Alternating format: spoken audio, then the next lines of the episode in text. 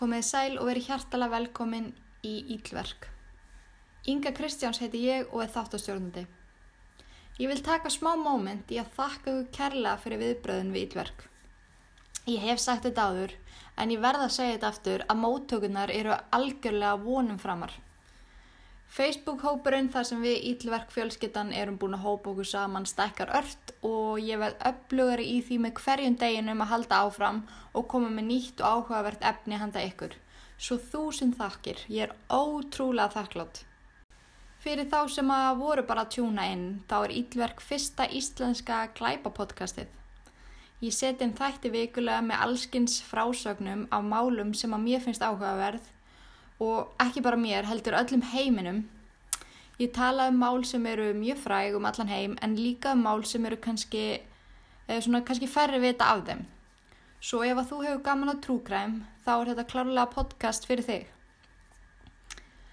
Líka enn sem komið er er ítlverk mjög lítið samfélag en samt sem áður ótrúlega þjættur hópur svo að þið geti haft ótrúlega mikil áhrif á hvaða máli ég er að tala um og sagt eitthvað skoðanir inn á ítlverk Facebook-grúpunni og ég verða að segja að þótt að ég sjáu um á útbóða þess að þetta þá finnst mér ég svo enga veginn vera eini í þessu. Þið hjálpið alveg ótrúlega mikið. Svo endilega smetli á subscribe svo nýjustu þættinir fari aldrei fram hjá ykkur, deili með vinum ykkar ef þið elski kontentið og smetlið í stjörnugjöf handa stelpunni. en þessi þrjú skref hjálpa mér uh, allra mest í að vera sínilegri því það er auðvitað eitt af markmiðinu þess, markmiðum þess að vera með podcast átt sem að þið líklegast veitu en þið finnið ílverk á öllum helstu podcaststöðum svo þið hlusti bara það sem ykkur finnst þægilegast að hlusta. En ég held að við ættum að keira í gang mál dagsins. Um, ég er að taka mjög mörg fyrstu skref í þessum þætti en ég bæði að sko ég bæði í fyrsta sinna að taka tvö mál í einum þætti. Þetta er sikkurt málið og ég er einnig að fara að tala um Íslandst sagamál Þannig að ég er að fara svona freka langt út fyrir þægendaramann og ég verða að viðkjanna, ég var alveg frekar tvístíða með hvort ég ætti bara hreinlega þóra að taka Íslandsmál. Þau eru eitthvað svo ótrúlega nálagt okkur og landið svo pínu lítið að það, mikla, að veist, það eru ótrúlega mikla líkur á því að ykkur sé að hlusta þáttinn sem þekkti mann sem þekkti mann sem þekkti fórnalambið. Ég ákvaði að vera ótrúlega professional og ég ráðfærði mig við fagaðila um svona mál og mér var sagt að ég var í góð málum ef ég fylgja ákveðnum reglum um personumvend og fleira. Svo ég kem til með að segja ykkur frá íslensku málum inn á milli.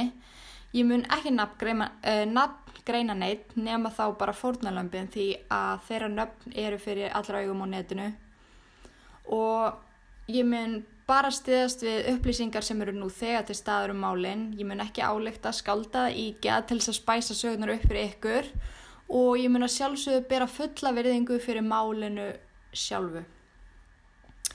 Sko, mér líður, líður þúsundsunum betur að taka þetta allt saman fram og ég veit að þið skiljið af hverju ég er að því því að maður vill að sjálfsögðu ekki erga neitt neða gera neitt leiðan. En það verður að segjast alveg eins og er að Íslands sagamál eru ótrúlega áhugaverð. Manni finnst svo ótrúlegt að svona laga gerist á litla landin okkar. Þetta er svo ótrúlega nálagt manni. Ég ætla því að þessu sinni að segja ykkur frá tvei mannskvörfum. Eitt er að gerðist 1994 og hitt gerðist 2011. Þessi mál eru einn þau áhugaverustu og dölafyllistu sem að ég nokkuð tíman lesið um og getur maður ekki annað en broti heilan stanslaust um atbyrðarásinnar hjá þessum tveim mönnum sem að ég ætla að segja ykkur frá. En að lokum að þessum súper langa en samt mjög mikilvæga intrói vil ég taka fram að yllverk er ekki við hæfi barna eða viðkvæmra. Ég kem til með að tala um morð, ofbeldi, kynferðisofbeldi og fleiri yllverk sem fólk hefur framið. Svo ef þú ert viðkvæmur fyrir svona umræðum skaltu slökka strax og hlusta kannski bara frekar á podcast-táttin Frengunar sem er hinn podcast-tátturum minn. Hann er svona aðeins á léttari nótum. En nú skulum við dýfa okkur í mál dagsins.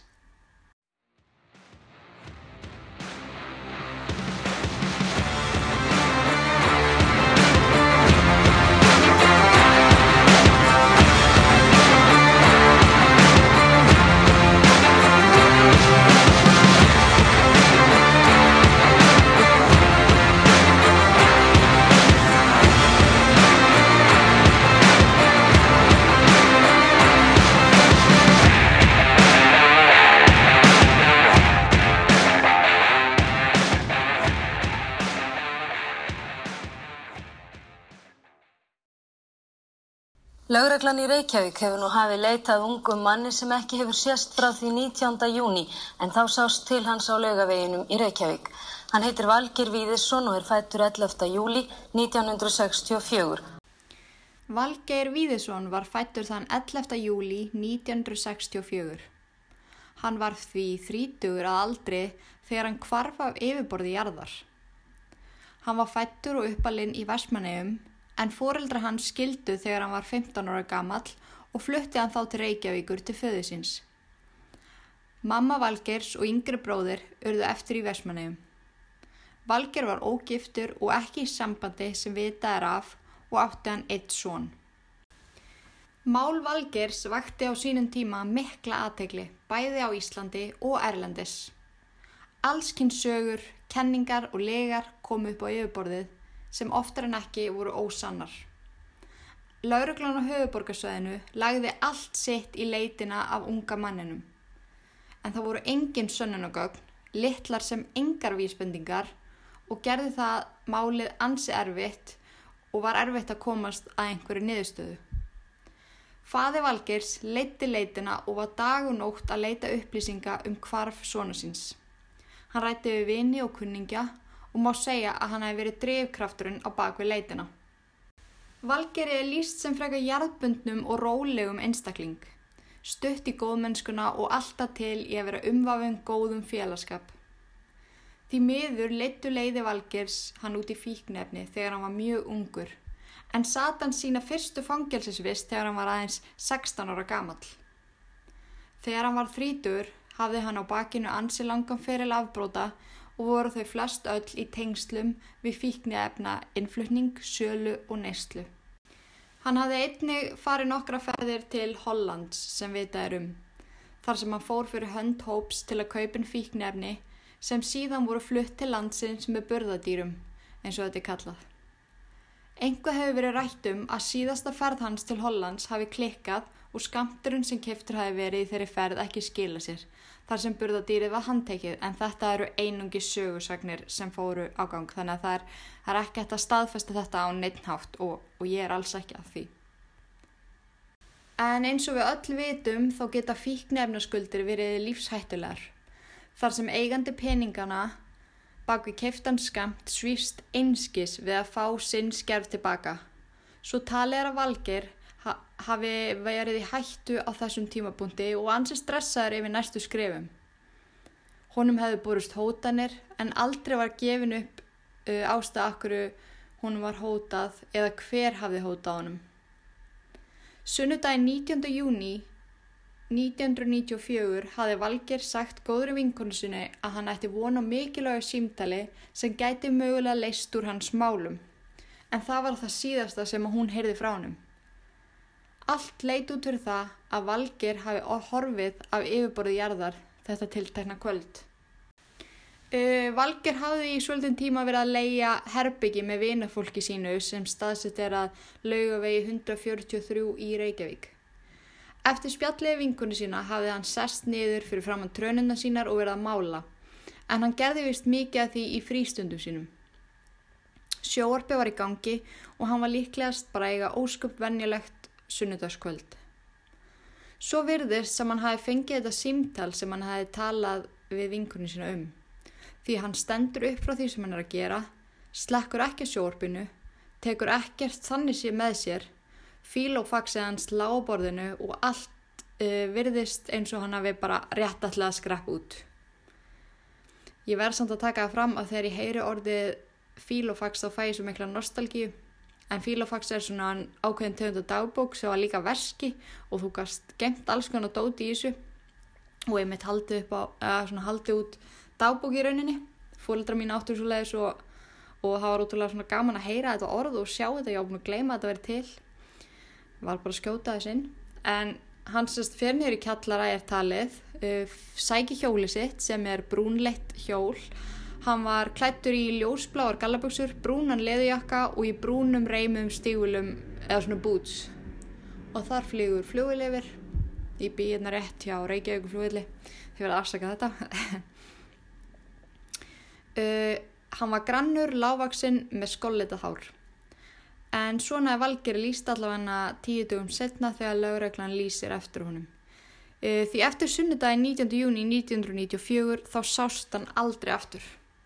Fyrst heldu aðstandendur að Valger hafi farið eitthvað án þess að láta vita en það hafði alveg gerst áður en það fullarði maður. En máli var svo skrítið því að hann skildi við herbyggi sitt svona eins og hann hafi bara ætlað að skreppa út í stuttastund og það var ekki fyrir en pappi hans kom að sjónum tíu dögum setna sem var eitthvað að gerst í þessu. Það var strax sterku grunur um að hann hafi horfið af mannavöldum og máli tengdist á einhvern hátt fíknefna skuldum og undirheimanum. Það var þó alls ekki staðfest eða nokkra sannanir fyrir því. Laurugla fóð markvist í það að rannsaka málið. Ræða við vini, kunningja og fólk sem hafi mögulega séðan eða hafi e, nýleg samskipti við hann. Pappi hans vannið í allan sólarhingin að reyna að finna són sinn og hafði hann fyllt úr tvær fullar stílabókur af allskins upplýsingum og nöfnum sem hann hafði sjálfur sapnað. Eigur valgers voru kannaðar í bak og ferir en þá tók lauröklin eftir því að fílofaxi var horfið. Það hafði leið á borðinu daginn sem hann kvarf. Nokkrum dögum síðar kom maður heimdi pappa valgers og rétti honum fílofaxið og sagðist hafa tekið það því það væru upplýsingar þarna sem hann vildi ekki að lauraglann sæi. Fílofaxið var skoða vel og vandlega og, þó, og þá tókur ansóknuteimi eftir því að það var búið að rýfa blaðsjur úr og nýjasta færslan var dægin eftir að valgir kvarf. Þar hafði hann skrifað eitthvað sem hann hafi þurft að gera þann dag. Það vakti strax aðtegli í lauruglu að það væri búið að rýfa þessa blaðsjur úr sem báru líklegast mjög mikilvægar upplýsingar. Þessi tiltakni maður hafði farið og náði það og reyfi síðunur út til þess að skíla einhverjum, hvort sem að það var hann sjálfur eða valgeri. Einu sem vita er upplýsingarnar voru eitthvað ólöglegt eða gruggugt. Á þessum tímapunkti var búið að setja á stað umfangsmikla leit af valgeri. Það var leitað á öllum bryggjum, ströndum og þarna fóru líka að koma inn alls konar upplýsingar að Valgir hafi sérst hér og þar. Í eitt skipti átti hann að hafa sérst erlendis en allar þessar upplýsingar hafði ekki við neyn rauk að styðjast. Svo kom fram að Valgir var búin að vera að fá hótanir, lífshótanir og sagt var að vinnum og, og hérna aðstandunum að hann hafi verið hrættur. Þess vegna álitaði fólkið hans að þetta dulafulla kvarf hafi tengst fíkni efnaheiminum á einhvern hátt. Hann hefði verið lengi í neyslu og var orðin ansið þektur í þessum heimi.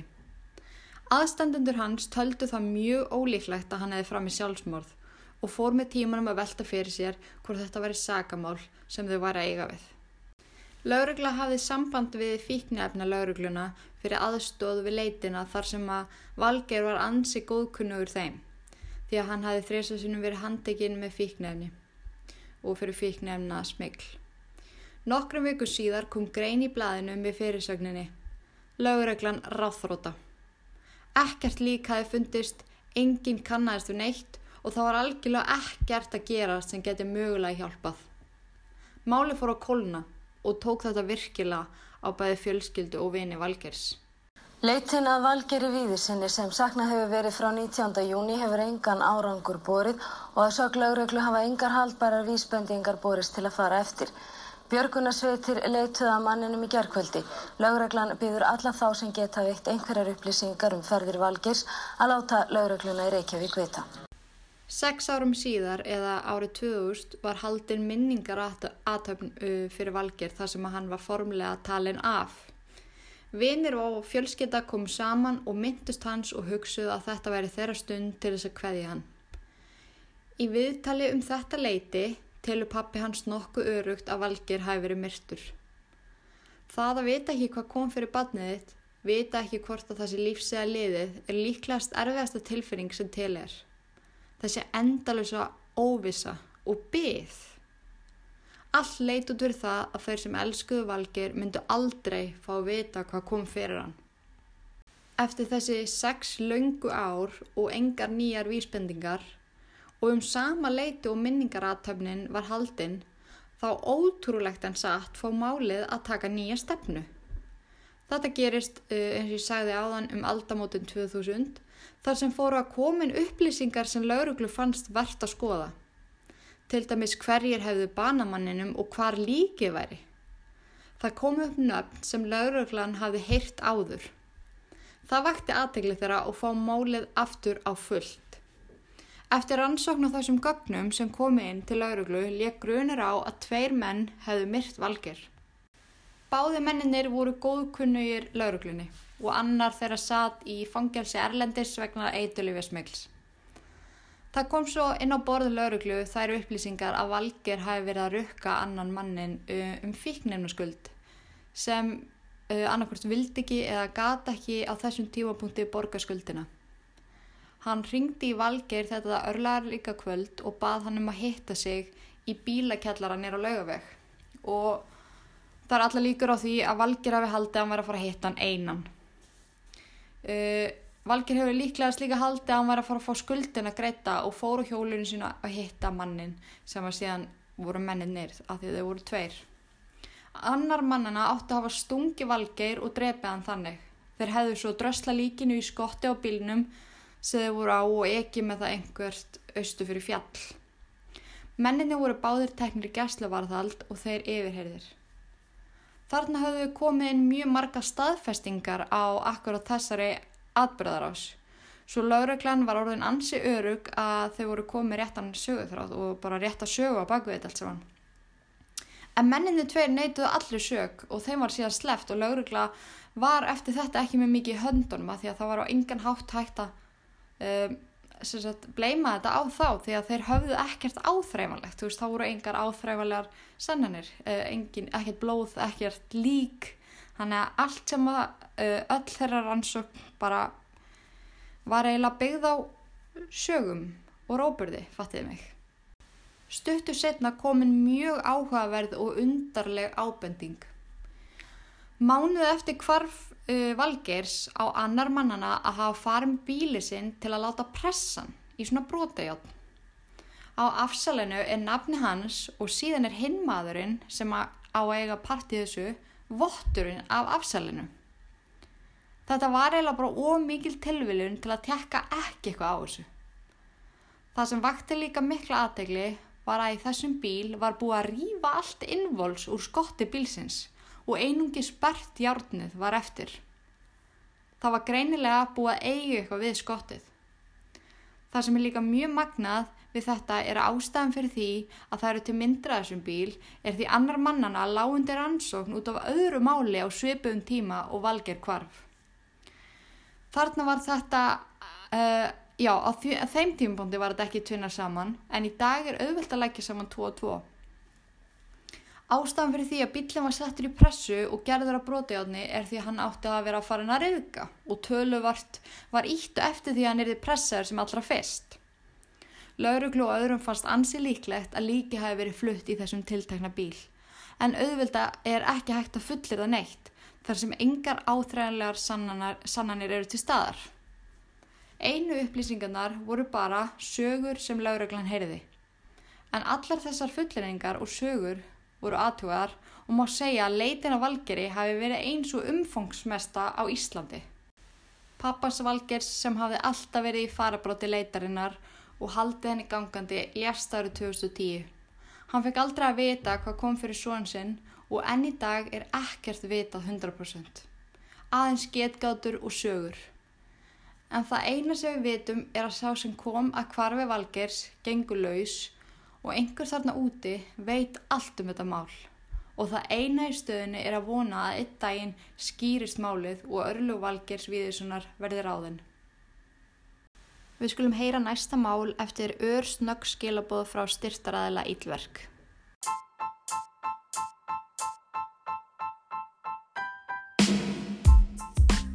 Sponsor þáttarins þessa veikuna er leanbody.is Æ, hann ennir engin að hlusta auðlýsingar. Skelltuðu bara á línbóti.is, notaðu kóðan Inga Kristjáns og gerðu geggjukaup sem tryggja þér hámars árangur. Línbóti, þín markmið, þín grein. Mattias var fættur í mæ 1989. Húnum er líst sem gladlendum strák sem hjælt sér kannski svolítið útaf fyrir sig og átti það til að vera svolítið sérvitur. Hann var þessi lístræna týpa sem að svo margi reyna að vera en hann náði þessu fram svo náttúrulega. Saumaði föti sín oftar en ekki sjálfur, borðaði einungis lífrannan mat, málaði myndir, klifti sitt eigi hár og notaðist hann korki við síma nýja tölfur. Mattias hafði mikinn áhuga bílum og var ansi klár í allskins viðgerðum á þeim. Félagar hans kíktu oft til hans í skúrin þar sem hann var að dutta í bílum. Hann átti ekki marga vini en hann átti fáa góða sem töluðu allir virkilega vel um hann. Mattias var mjög náinn fóruldur sínum, þá aðalega pappu sínum. Það varð honum því virkilega mikið áfall þegar pappi hans lést þegar Mattias var aðeins 14 ára gammal. Þá hann talin hafa dreyið sig talsvert til hljés og fráfall föður hans hafi tekið verulega mikið á hann. Þrátt fyrir áfallið hjælt hann samt áfram að vera þessa, þessi ævintýragerni góði og óvenjulegi strákur. Móður hans átti gamlan rússajappa sem Mattias fekk að nota að vild. Hann unni þessum jappa mikið og átti hann til að fara í ferðalögum landið á honum. Það þótti því ekki óvanalegt að heyra ekkert í honum í svöldin tíma og líka því hann notaði ekki síma. En 13. desember 2010 var móður hans frekar órátt en þá hafði hún ekkert heyrti honum í 6 vikur og að hennumati var það heldur langt og hafði hún sambandi lögreglu þótt að aftast í huga hennar taldi hún líklegast að hann væri bara í ferð á rúsajeppanum sínum. Eh, þegar kom svo 10. janúar var þetta orðið ansi skrítið Hann hafði ekkert haft sambandi við jóla áramát og fannst móður hans það ansi ólíkt honum. Hún hafði þá aftur sambandi lauruglu sem lísti þá eftir honum og hóf leit. Það fóru fljótlega komin allskins ábendingar frá sjónavottum sem hafðu við miskóður auka stiðjast. Síðustu legit myndir af Mattiasi kom úr öryggismyndalum úr banka þar sem hann tók út pening og var það jáfnframt síðasta fæsla á bankareikningunum hans. Þá fór lauruglega að velta fyrir sér hvort Mattias hefði ætlað að fara úr landi. Það var skoða nafnalista yfir alla í flugfélugum, landsins, skipaferðum og norrænu en hverki fannst nafnið hans. Eftir nánari leit kom líka í ljósa að hann átti ekkert gilt vegabröf. Það taldist því ólíklegt að hann hafi farið úr landi en samt sem áður segir lauruglan að allt sé hægt er viljinu fyrir hendi og ef hann hafi ætlað sér úr landi, brott, uh, úr landi brott eru alveg líkar á því að hann hafi gert það en engar e, sérstakar vísbendingar benda til þess samt sem áður. Nokkrun dögur síðar eftir umfangsmikla leit fann lauröglan rúsajeppan sem Mattias hafði sérst á. Hann var brunnin til kaldra kóla. Hann fannst í malanámum virkilega illa farin. Það fannst ekkert í bílnum sem bendi til þess að mannsleifar hefðu verið þar. Það var nokkuð augljóst að um íkveiki var að ræða. Það var skoða stort svæði í kringum malanáminar en ekkert fannst. Þá fór að koma upp allskinn sketgátur um þetta. Brendi hann bílinn? Stakk hann af svo? Eða var einhver annar sem gerði þetta allt saman? Lauruglan var engu nær. Nokkrundum síðar fannst mjög skrítin vísbending. En húslikill af húsi móður hans fannst í postkassa þarna á svæðinu svona eins og að væri verið að skila honum eða senda eitthvað svona skilabóð með að skilja hann eftir. Mjög áhugavert. En það kom í rauninni ekkert meira í ljós og ekkert meira hefur komið upp til dagsins í dag. Vinir hans og vandamann segja að þegar þeir hugsa tilbaka þá fannst þeim Matti ás ólíku sér og fjarlægur dögunum áður en, áður hann kvarf. En engum taldi það líklegt að hann hefði tekið sitt eigi líf. Þetta er eitt af þau málum þar sem eru miklu fleiri spurningar heldur en svör sem gerir þetta svo ótrúlega erfitt, miklu erfiðara heldur en þetta var auðvitað fyrir. En byðin og óvissan er óbærileg fyrir aðstandendur hans sem halda enn í vonina um að eitthvað við þetta komi Mattias í leitinnar.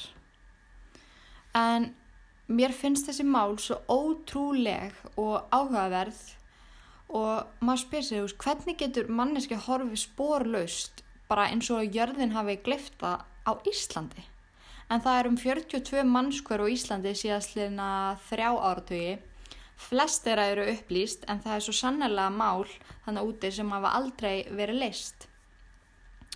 og, og það veit engin neitt, það veit engin hvort að manneskjan hafi ákveðið að hefja nýtt líf bara sjálf, farið eitthvað eða breytum nafn eða eitthvað eða þeim hafi verið komið fyrir kattanef, einhverjum einhver annar hafi séð um það að stitta líf þeirra eða eitthvað svoleiðis. Það það er ekki hægt að segna því að það eru yngar áþreifanlegar sannanir í hvoru um álinu. Þetta er allt þá bara róburður eða ágískanir sem er ótrúlega perrandi. En maður vonur auðvitað að fjölskyldur og aðstandendur begja mannana fá einhver svöra lokum svo þau þurfu ekki að lifa í þessari endalösu óvissu, hræðslu og byggð. En eins og er er ekkert nýtt vitað og þeir Mattias og Valgir eru einra þeim sem hafa horfið sporlust á Íslandi. Takk kærlega fyrir að hlusta og þánga til næst í Guðanabænum forðist öll ílverk.